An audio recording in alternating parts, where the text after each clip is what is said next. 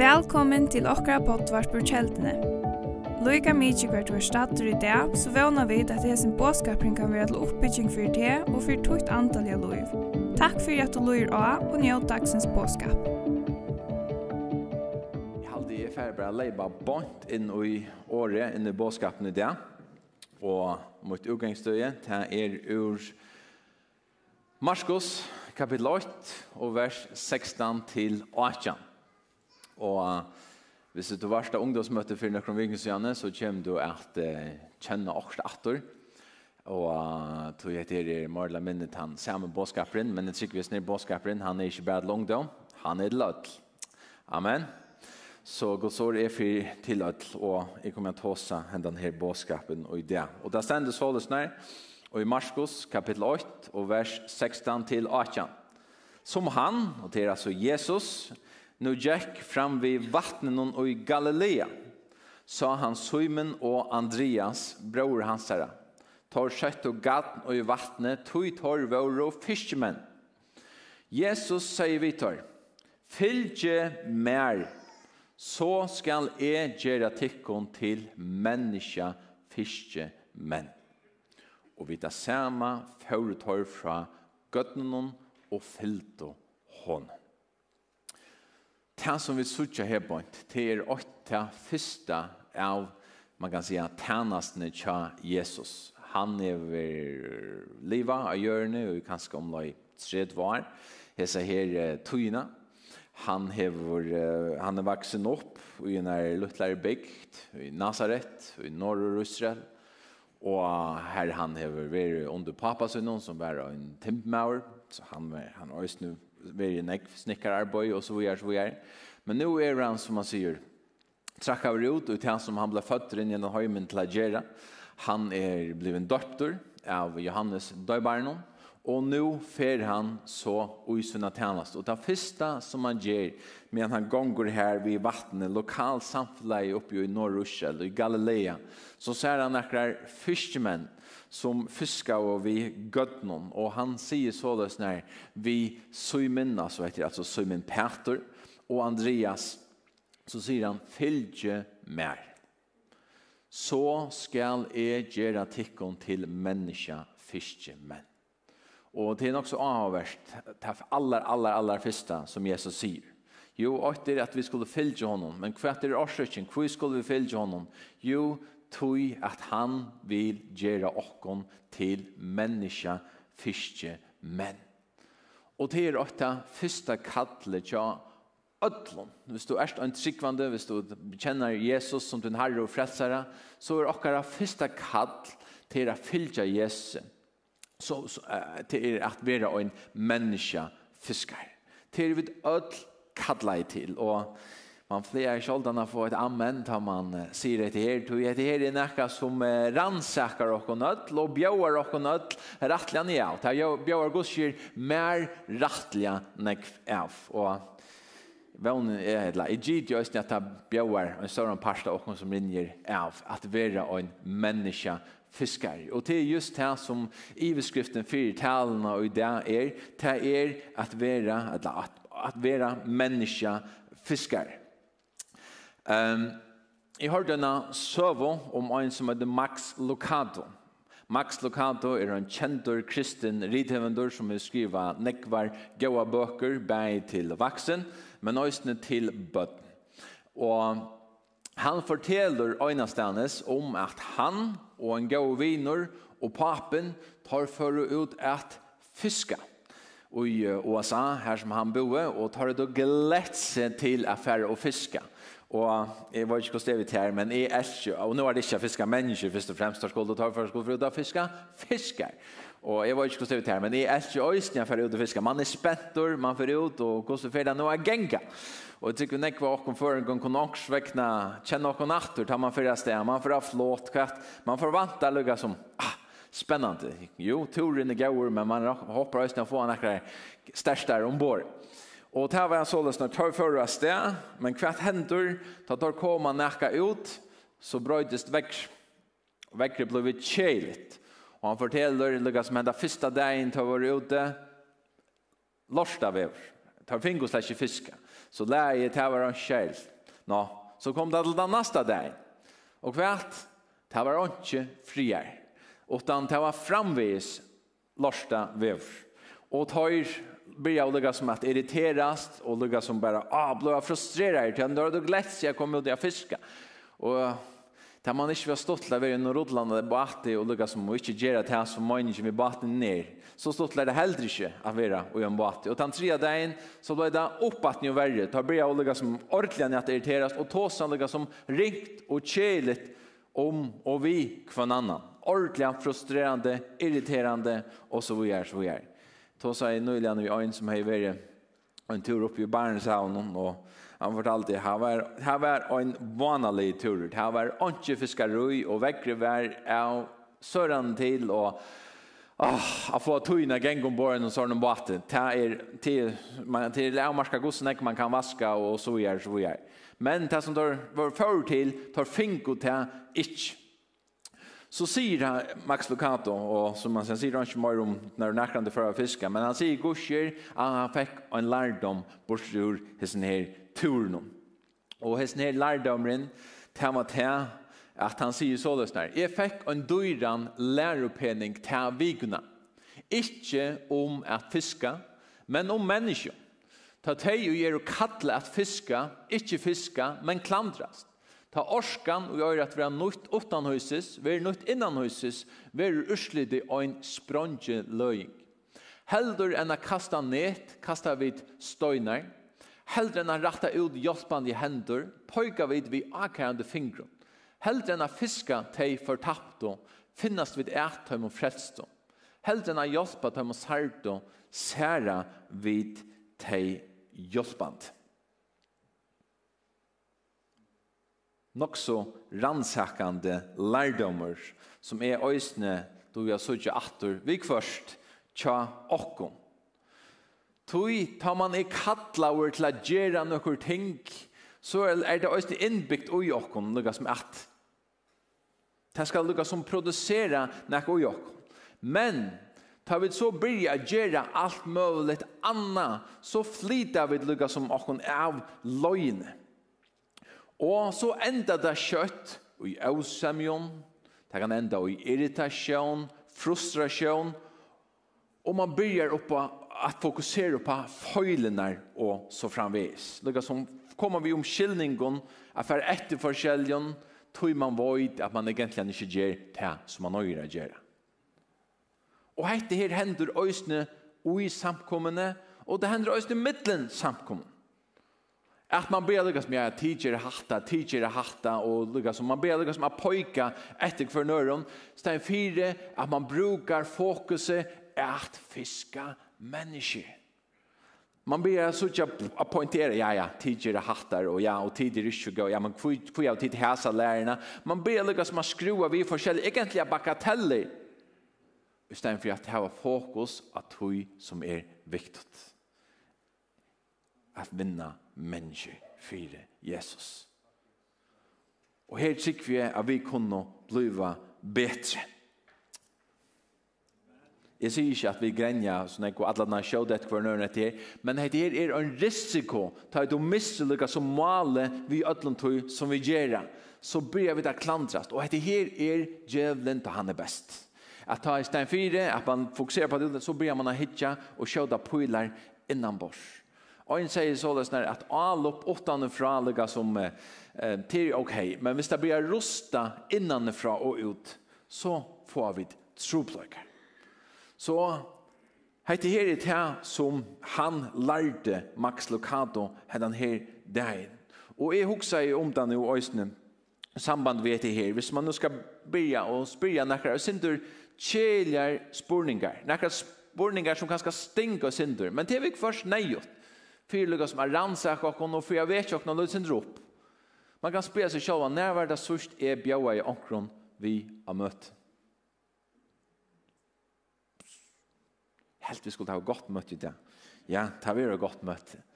Når var det sørst at er røyndelugga som at stretcha meg ut til okron vi evangeliet. At røyna a vinna en person fyrir Jesus. När gjør det hetta sørst? Hei, det er ikke fyrir med at bo en andja fordøming, men det er kunne vi være vidla vetja nekka opp her i det. Kunne vi blå, ah, få fokuset justera atur kvært det handler om å fylgja Jesus at vera ein menneske fiskar. Så i det så skulle vi tåsa om andalian fiskeskap.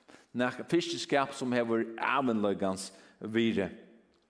Og som vi sier Janne, første kattle er at vi er menneske fiskere, men spurningen er så, og det er trygg vi at det er negv som har tatt spurningen, hvordan gjør jeg? Hvordan vinner jeg mennesker for Jesus? Så ofta tar vi tåsa om evangelisering så också vi att det ska färre ut den första och den nästa personen som sitter utanför som känner mig för iver och fortälja, tror du på Jesus? Och det ger att 55 enda ångande vi har gjør det.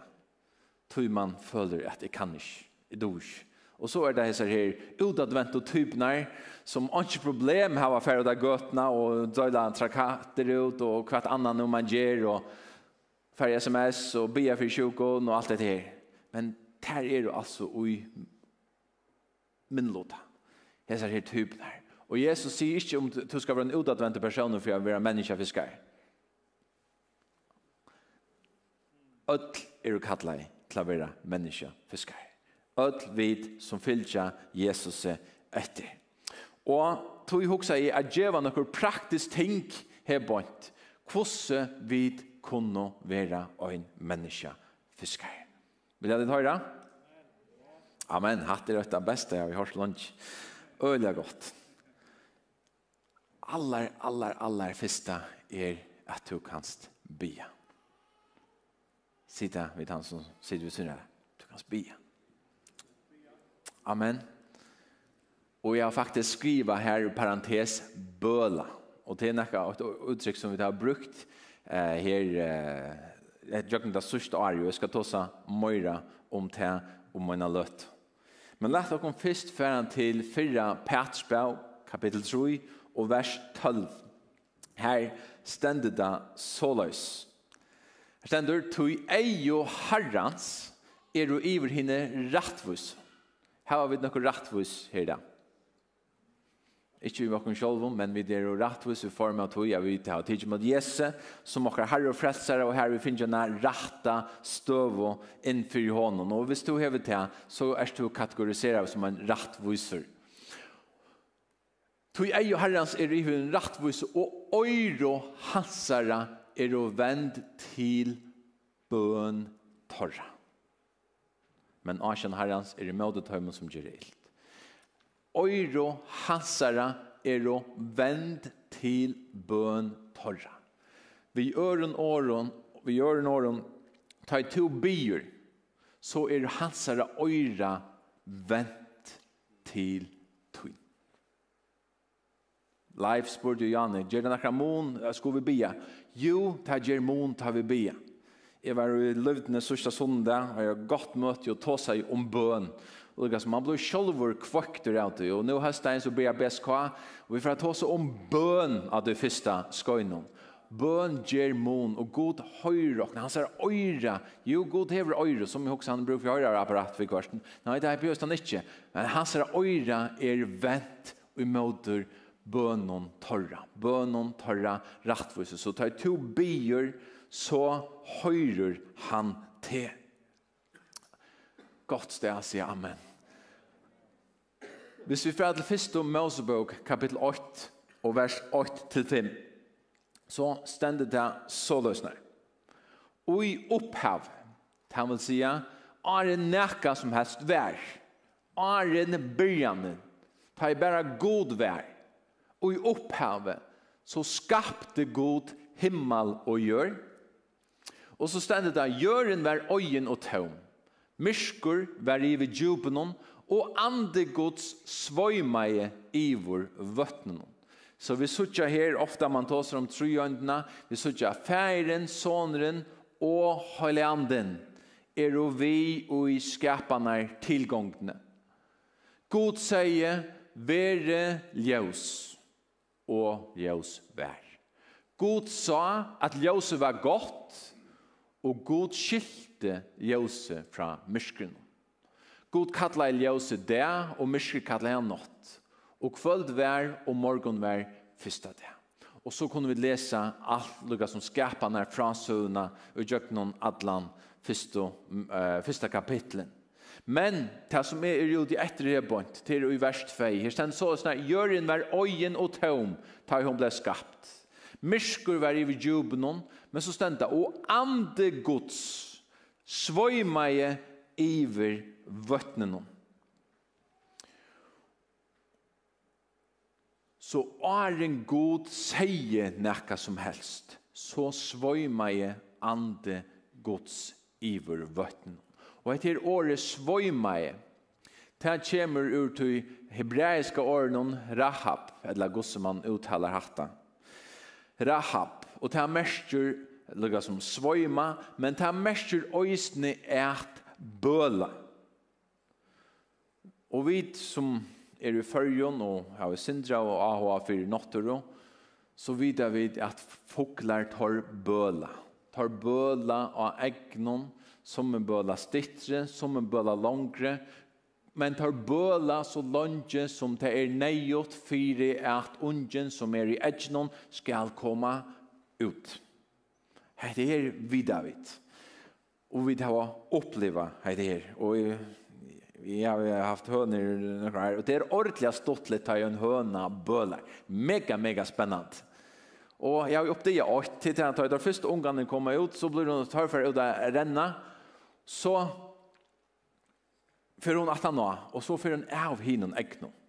Så det som är så här lärt, jag menar runt det så täcker hinner ungarna först till så jes så för en åter till äggen hin i äggen fyra till östne skulle komma ut. Så man är inte just förtulja. Det är som just förtulja, men så man säger vad om det ägget lunch.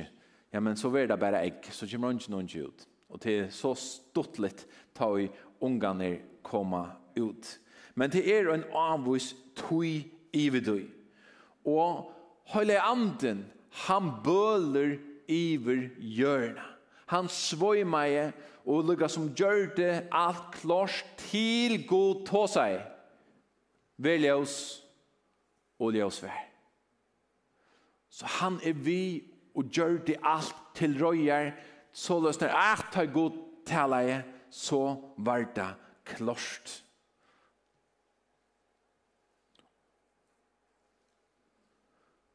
Så heilig anden er akkurat som en høna. Man husker ikke husker at allan vei inn i jøkken, til han er ikke en høna hos allan mater, men i form av ta i han bøler.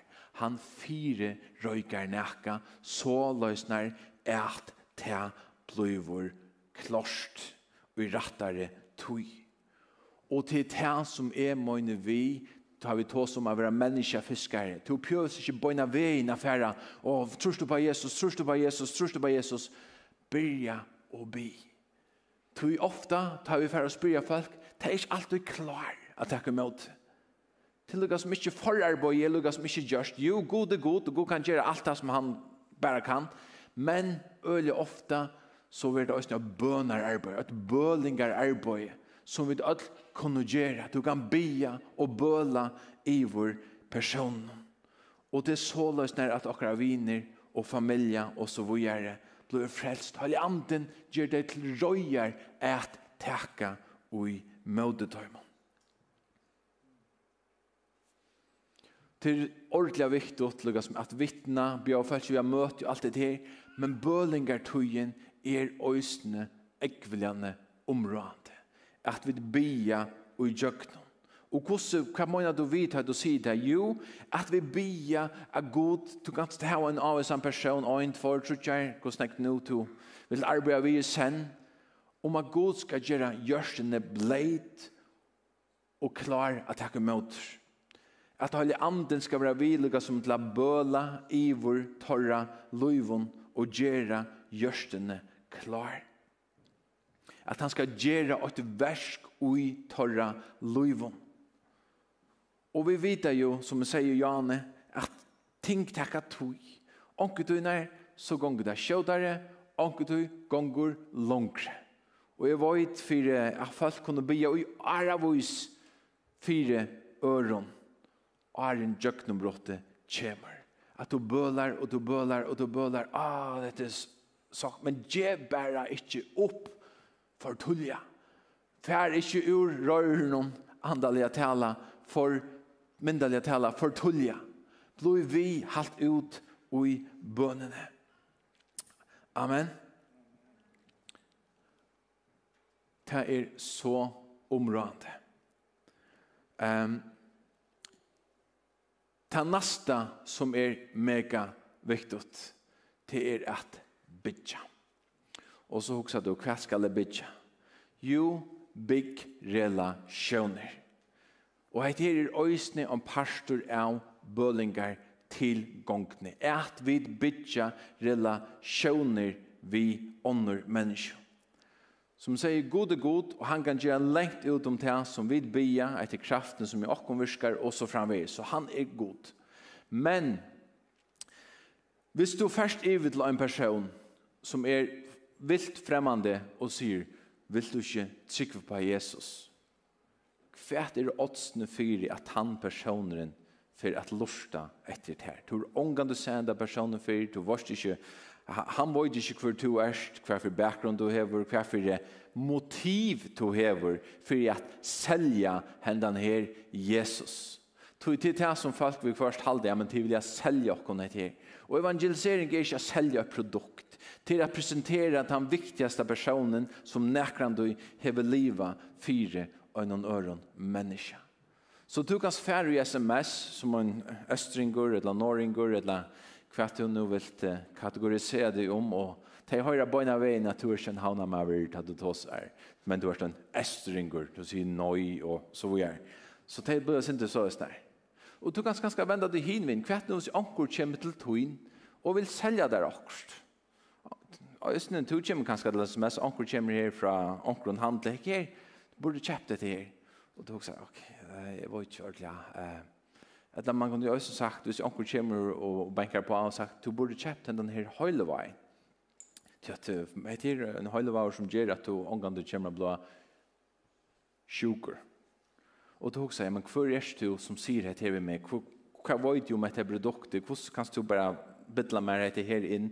Nei, nei takk, jeg kjenner det ikke, jeg vet ikke, jeg er ikke ordentlig interessert å bruke mine penger og på dette her. Da er det da fylgja meg. Hinveien, hvis det to bytjer en relasjon.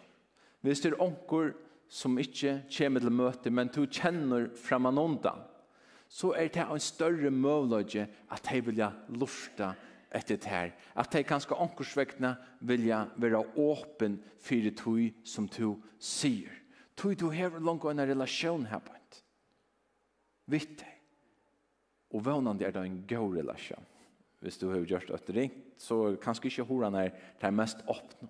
Men hvis du har en positiv avvurskan, en positiv innfallsvinkel, men så er møllagen nek større fyri at de vilja takka møtet her og øysne takka møtet Jesus. Hvis vi tidsje etter hvordan Jesus gjør det, Jo, vi sutja Jesus gikk rundt, og han kallar lærersvenner. Og Mattias Nudjom, så leser vi om til han kallar Matteus. Han gikk her bort, han for å få bo i tottelboene til Matteus stendet der. Og Matteus var jo en tottler. og tottler, det var jo hver vår tid, det som følelsen jeg elsker og oppheve jeg også. Nei, stikk motsatt. Det var det mest forakta av følelsene, tog det stjål så ytla penger. Hvis du vil gjøre det også oansett hver og hver og hvordan du kvar, hvis du stjeler penger, så er du ett utkast. Du ungen dama til. Men tar, han gjør det derfor i. Og hva gjør Jesus? Jo, Jesus sier han, fylg meg. Og hva er det neste han gjør? Jo, han får høym til hans herre, og setter seg til bors. Vi gjør noen, han setter seg, for inn, etter saman vi vikommande. Og her stender at det var ikke bare han som var her, men her var en rikva av toddlaren og syndaren. Han får å være saman vitam. Og fariseren ned tar, han etur vis toddlaren og syndaren. Bo, forferdelig med Men Jesus bygde relasjoner. Han bygde bror til hese her menneskene, fyre at han kunde hava en avskan av deg. Og han er ikke en, en adult agenda, lukka som, nei, han vil jo bare frelsa deg. Han vil bare vise sin gode kærløkka til deg, og vise at høyre lov hev møyning. At for det om deg er forakta er, så er god en atlan for deg. Amen. Så han brukte tog. Og til er lukka som, hvis du skal ha en avvurskan, hvis du skal lukka som ha en akka oppe igjen, så må, må det være en slags kontakt Til rann er ringt av bytja en relasjon med en person som du omgang er sammen vi. Det er ikke nekka rocket science. Til rann er ringt av bytja en relasjon med omgang som du omgang du bruka tog saman vi. Du måste bruka tog saman vi vi kommande. Og hva gjør Jesus? Han setter seg å etter. Jeg tycker ikke bare at du har hukket bare og auto. Nå, hva gjør man vid døra bor? Ah, døyligt. Gå og mæter. Gå Og man er mer avslappet, man er mer åpen. Og så sitter man og pratar og bygger relasjoner og så gjør, så gjør. Det er beste samtalen er ofte, før man er i om en målt. Jeg vet ikke om du har hukst om det. Til ølige avslappende. Og vi så ikke øyne samme døme vi Zacchaeus. Og Zacchaeus var i samme kategori som Matteus, bare lydde sin dør verre. Tog han være en ivor toddlar. Om toddlar var ringt, så var det oppåt nu verre at være en ivor toddlar. Og da stender en ta at han var ryker. Og Jesus kommer til Jericho. Og Zacchaeus har jo hørt om Jesus. Han er forviden. Her er okkur som er, her er kanskje okkur som er bie for gjennom, og som er gjørst at god virker og gjennom, og at han var forviden av vita, han ville møte hesten her, Jesus. Og han var ju synd smänt och han visste nog att han inte hei allt så rønt mjøl på sig noen, så han fører upp i ett trä synd diskret. Han ska inte han var lydelig av vøkstre. Och så sa han bet och Jesus visste akkurat var han var och fører direkt att et tre, säga Zacchaeus. Och han bara då sa du med Ja, te. Jag ska komma och äta samma vid här det.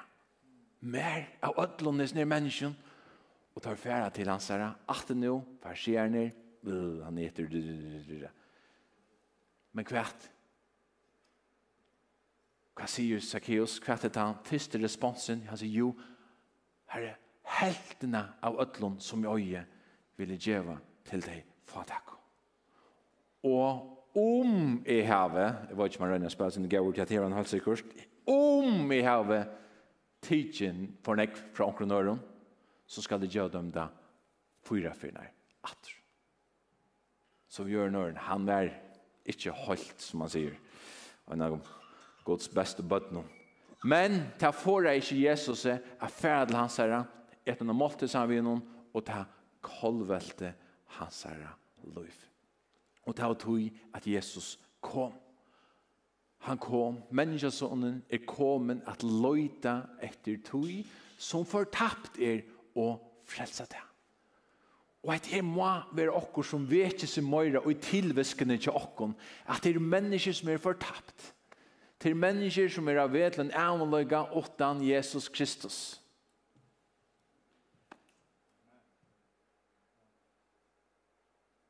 Og det er det som Jesus vil at vi skulle færa til.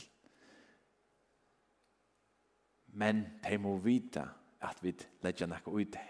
De må vite at vi ikke bare lukker som gjør det til at vi skulle, men vi gjør det tog vi vilja det. Og et hotak av ønsken, sier det nok så vel, People do not care how much you know until they know how much you care. Folk legger ikke ui hvordan nekv to void, inntil de vita hvordan nekv to legger vi gjør noe rundt, hei, kunne ikke lagt minne i hvordan jeg tog vårt om Bibelen, og hvordan gaur Jesus er, og hvordan hva han er gjørst, fyrren til suttja at du veljane brutja til om deg. At du hever omsorgan for dem, at du gjørst nekka godt for deg. Så om du elskar nekran, så gjørst du nekka for deg. Til det er ringt at elska ein, og ikke vysa det øyne i ångsvektene og i versk. Så jeg sier vi kona til meg hjelp gjerne den øyneste det. Men jeg gjør absolutt ikke som viser at jeg hjelp gjerne. Hon gjør alt hos alt. Jeg liker så ofte det er inn og det er ut. Jeg elsker deg gøy. Du er han beste. Og gjør vi henne alt strøy. Det er ikke ganske første dagen til du er gifter, men det er ikke ikke tog å rette henne. Det er helt sikkert tar du fyra bad rennande, skrujande. Tar ikka det ikk du måste visa det i vers. People do not care how much you know until they know how much you care. Amen. Så du måste vi må visa at vi velja en brudja. Vi har en ekta en ahua i torra liv og ta gjerra vi vi a bitja ekta møt opp til føringar der møt opp ta der ting. Skriva halsane. Han skal kjeba dem noen gav og han skal vise at du hokser om deg, ta det akkurat. Man må genga og en eika mål. Hmm.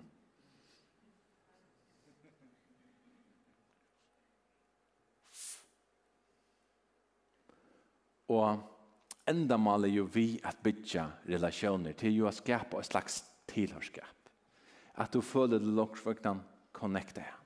Og det er det som vi også ikke har bønt og ikke helden. Ja, vi skulle føle et tilhørskap, at, at høre til. Det er det som folk skrutjer etter det. Vi skrutjer nekvar eldsaler som djeva seg til nekv. Hva djeva? Jo, men til å tilhørskap til frutjere aktiviteter eh, og imenskonsle. Folk djeva sånne tog, sånne orsko.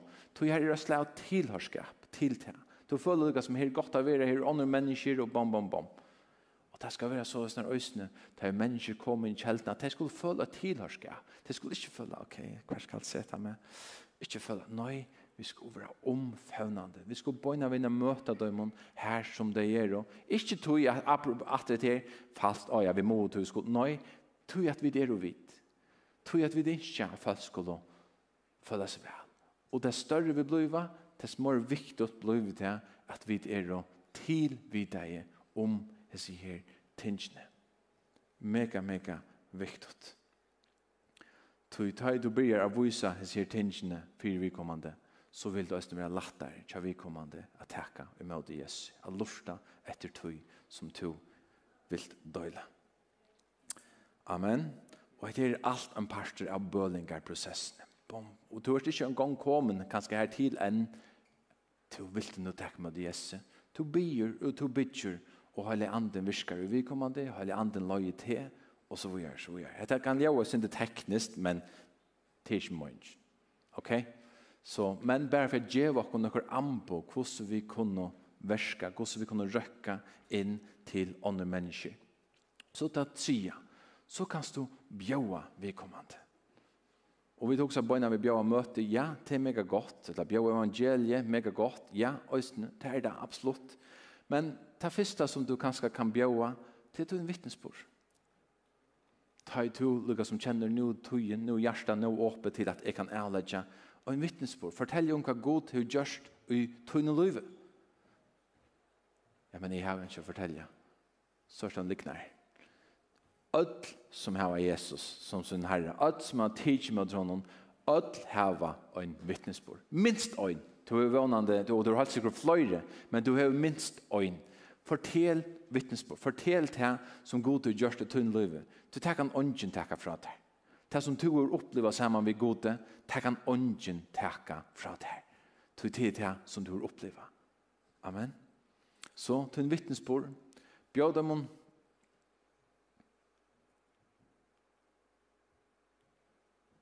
vi har møte har vi skriver her bant, eller husbølg, eller det her kommer achtene. Vi kunne bjøve dem vi, vi først kan det være ringt til følge, å komme direkte av møten til sånne folk, fremmand og følge meg vel, bjøve dem vi i husbølg.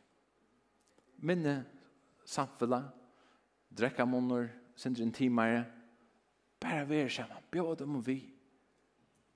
Og så, nasta sti, møte, bjøve dem vi til søndagmorgen, eller leierkvöld, eller ung vaksen, ta i teier, bjør dem vi, som man sier, sti for sti som nu holde anden løyde til. Og så ser han jo øsene, ta du kjenner at tøyen er byggven, og at hei er å gå og gjør, for for jeg takker med det er døylig evangeliet, døylig det som Jesus gjør det kross nå, døylig det at han gjør det personlige fire teg. Han stendte så løsner i Johannes kapittel 4 og 35, Og det er Jesus som sier vi lærersvennerne, sier tid ikke. Fyra måneder er og enn av en heste kommer. Men jeg sier tikkene, litt i opp eier tikkere, og suttje marsjene her, der er langt kvitter til et heste. Og Jesus tåsar ikke bøkstavlene om marsjene, men han tåsar om menneskene. Menneskene er jo klar at innhesta. Og medan vi bøla, medan vi bia, fyr okkara vinon, så lett jeg hava etter her verse ui hoa. Tui at vi kvarst, ja, men til ongen som vil, til ongen nøy, til ongen... Sia til dikkje, fyra månader er du enn, er en heste kjemur. Men jeg sier dikkon, i opp ei og tikkara, og suttje marginer. Ter er og longo kvitar at hesta. Jesus sier at er og langt klarer. Jesus sier at det er og langt mennesker her ute som er og klarer. Jeg blir bjør av vi. Jeg blir klar at jeg kan møte. Og det handler om at vi takker deg andalig og egne og på. Så hvis vi sier det naturlige, uff, no, no, go, go. Og til tog at evangelisering til et andalig ting. Om vi bare ganger etter tog naturlige, så kommer vi aldri tog det sier dere møte til, nei, åh, håpløs fall, blir slett til. Men jeg skal si det til, omkring at du kunne inn i her, være øyne for nær et håpløst fall. Hva er det nå? Det er her. Så om det er et håpløst fall her ute, det er vøn for tøymen. Takk for fall. Det er vøn for de håpløse fallene som er her ute. Tøy marsjene er og klarer kvitar til at hesta. Amen. Onkje menneske er for trobult. Og ok, hvis du heldur at det er for trobult, men fær så en som ikke er så trobult. Fær så en som er lattar, og du sier, han da, eller hans, hatt er klar. Amen, fær så etter. Og så kan så ganske gradvis, ok, hatt er en ordentlig syndar. Nu, nu fær jeg oppgradering, nu fær jeg etter hånd. Og det kommer fra tvei eller tro om øyn. Det pjør ikke at ønsamadler. Fær saman, hva skvatt, nu fær vi malretta, arbeide vi hesten her, etter som person, vi får be for vedkommende. Kom, la dere kun gjøre ting sammen vi vedkommende. Bjøa, vedkommende gjør det bola, eller vedkommende gjør det eta, eller mundt jo sagt bindeklubb. Hver dag nå skulle det være så løst at jeg kommer vi og ta åpner opp. Amen. Og Jesus sier vi er i hebønt. Og Lukas kapittel 22, han sier Vittar, hese her halvfjers, som han sender ut. Han sier så løst Skoren er større, men arbeidsmenner er feir. Bie tog herra skorarens senda ut arbeidsmenn til skor søgn. Så vi gjør når det er ikke hestingen som er en troblad. Nei, det er ikke hest. Det er ikke takk inn. Nei, det er nok av mennesken her ute. Men det er mangel oppa arbeider. Det er mangel oppa menneske fiskar. Og det er tog at jeg og to skulle fiska. Vi skulle bliva hesser her arbeidsmenner som skulle fære ut til skoren. Og evangelisering teker tui. Vi sutt ikke urslit alt i bønna veien, og til øysten er bjøring tui, vi lever gjennom tui, her vil jeg sutt ikke urslit og jar. Men det teker tui, det teker orsko, det teker penger. så vil ikke vi alle sier tingene, det krever noe av oss. Vi kan ikke forvente at noe henter om vi ikke gjør noe. Jeg har et så rævlig godt sitat for en, for en mann som igjen, og han sier sånn her, «Ånke kommer ur ånken». Altså, jeg har hatt det er så man misser det. «Ånke kommer ur ånken». Og det gjør det heldig. Vi kan ikke bare for. Jo, jeg sier god er god. God kan oppenbære seg, og han kan, men vårt du kvart, han setter til og med at vi er i følgen til hese togene, til å røkke ut til menneskene som byggver hese togene. Han brukar til og med. Og han er djøkken hele andan. Så tog må vi takke 8 sti, 2 sti, 3 sti, genga øyne mål, 4, 8, få hestene inn, for å få skoren inn. Så evangelisering, knallhardt arbeid. Men er det nekka som lønar seg, så er det just til arbeid. Og om vi er villige til å gjenge hessar ega muligheter, så kommer ting og sætter henta. Og i tunne familie, tunne arbeidsplass, tunne vinerskjære, til å kverne og til å røre det, tunne skola. Hvis du gjør til sier tingene, hvis jeg gjer sier tingene, så kommer ting at hente. Men ikke kommer ur åndsje. Hvis vi sier null ganger en million til null, men hvis vi tar 8 sti, bam, så er himmelen her og bakkar okken opp og kan gjøre noe, tog vi gjøre, tog og heter sti. Amen. Halleluja. Vi får at narskast endan. Kvært så, halleluja, personen er blitt frelstor, tidsi med Jesu, glede i himmelen, og så hvor er det? Hva skal vi så gjøre? Jo, arbeid ikke livet her på en, så skulle vi integrera. Jeg finner jo ikke bedre først år enn integrera, som ikke gjør det først år, men vannande skilja ditt. Hva det mener vi? Integrera til å få menneskene planta i og i samkomne. Få de planta i og i samkomne. Bjøy dem om vi, så det gjør en enn sterskare pastor av tog. Gjesta blodne, at her kommer løsning for tog. Gjesta blodne, bjøy dem heim til døvra, til å drekkamon, eller til en dos, om du kommer og fogla fyrir, bjóa dem om heim, såløs nær at de blir integrera i. Tog man sier såløs nær en person som kommer når, når samkom om den personen ikke finnes seks imiske relasjoner og gjøkken det første halve året, så er det større chanser for at personen glir ut at gjøkken bakt det nær. Og det er nekka vi suttja for nek vi nekka samkommet til det er back det er alt for åpner.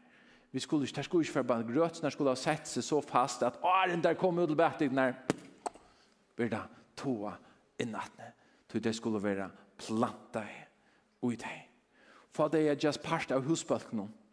Nå sier vi et år i husbalkar, men øyne for nærmest at det er kiknebalkar. Det er kanskje minst at kiknebalkar. Og, og det er jo ut fra tog at menneskene er sett sammen av milliarden av kiknen. Og hva gjør kiknen her? så ikke som at det er angan jeg har hørt dette før. Det er døyla seg. Hvor, og hvor skulle husbalkaren døyla seg? Det ble så nek at det ikke plass for dem når jeg er noen bølge. Bjør han felt ikke vi og i husbalk. Ble han integreret i en parst av tøy. Og så løsne vekse. Og som jeg sier, Janne, oppfylging. Fader, jeg gjør en oppfylging. Oppfylltjeng det er en fantastisk mat her som vi fyller deg, og som vi døsen lødde fram av samkomfunden, Jeg vi tar et ønske om at alle samkomman her, om du er tror i trutja dier, eller om du er frelster i alt rusjar, så er du velkomna å komme til noen oppfylgjeng. Å få folk, at det her vi fyller dem, nødt utrunne, eh, og en parst av venon, å få det enda mer eh, planta i, og i samkomne. Så vi må ikke huske kom her det, yes, nå pjøs ikke gjerne kammer, nå er det, nå slappe. Nei, nei, nei, nei, nei, nei, nei, nei. Ta det kommet inn, så heldur et annet arbeid av fram. Og til å få deg, inte grera deg. Bruka tog samme vittamon, og så framvis, og så framvis. Så løsner at de merker at de blir parter av sammenhalten noen, tilhørskapen noen, ja, at man kjeldan bluver mot andaliga heim. Etla tan samkomman som du nå øyna for når kommer fra om du ikke hever kjeldene som du andaliga heim, så kan du østene applisere dette her til tutt eh, til tunna hemma samkomman. Øyna for når så hadde vi øyna trett for Jesus. Hvordan jeg minnes det? Er negar hender som minnes. Og etter her trygg vi er nekka øysten som vi skulle eh, kvøyge oppbattne og i samband vi het her at vi er menneskeviske, at vi færa etter så Suttja her er det plåss, det aller fleste har plåss for øynene, at rett vi synner av hebben. Så hvis vi er alle færa nå og setter oss som mal om åtte år, kanskje til fullt. Tøy at det kan genga nok så kjøtt. Visse vi takker til her til oss.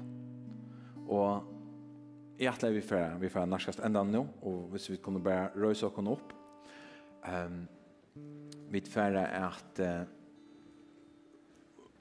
prenta fløyre sårn i hebont. Jeg vet ikke hvordan jeg hadde innom hun. Her var det her framveis, men vi tverg også prenta fløyre til å komme og være ut i gangen ja, Men det heter så pikka litt kors til hebont, bare symbolst. stendur kjelda nå, øyne tjatt for Jesus, og stendur nyast, men honom som är mentor i ötlån låton er ge lengt ut om allt här som vi be om eller skilja etter torre kraft som viskar i oss.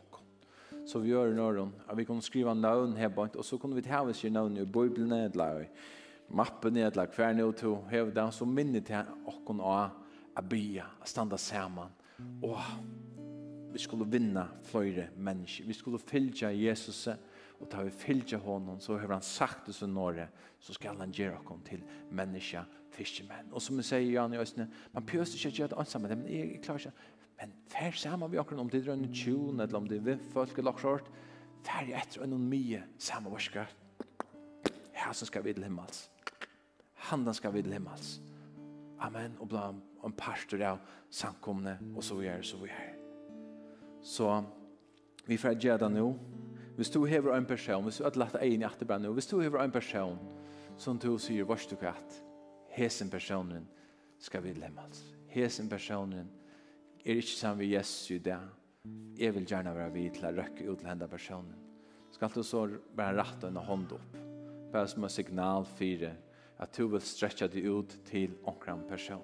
Jeg tror ikke han er avbjørende, men jeg tror ikke vi er det som Jesus vil, at vi skulle være menneskefiskere.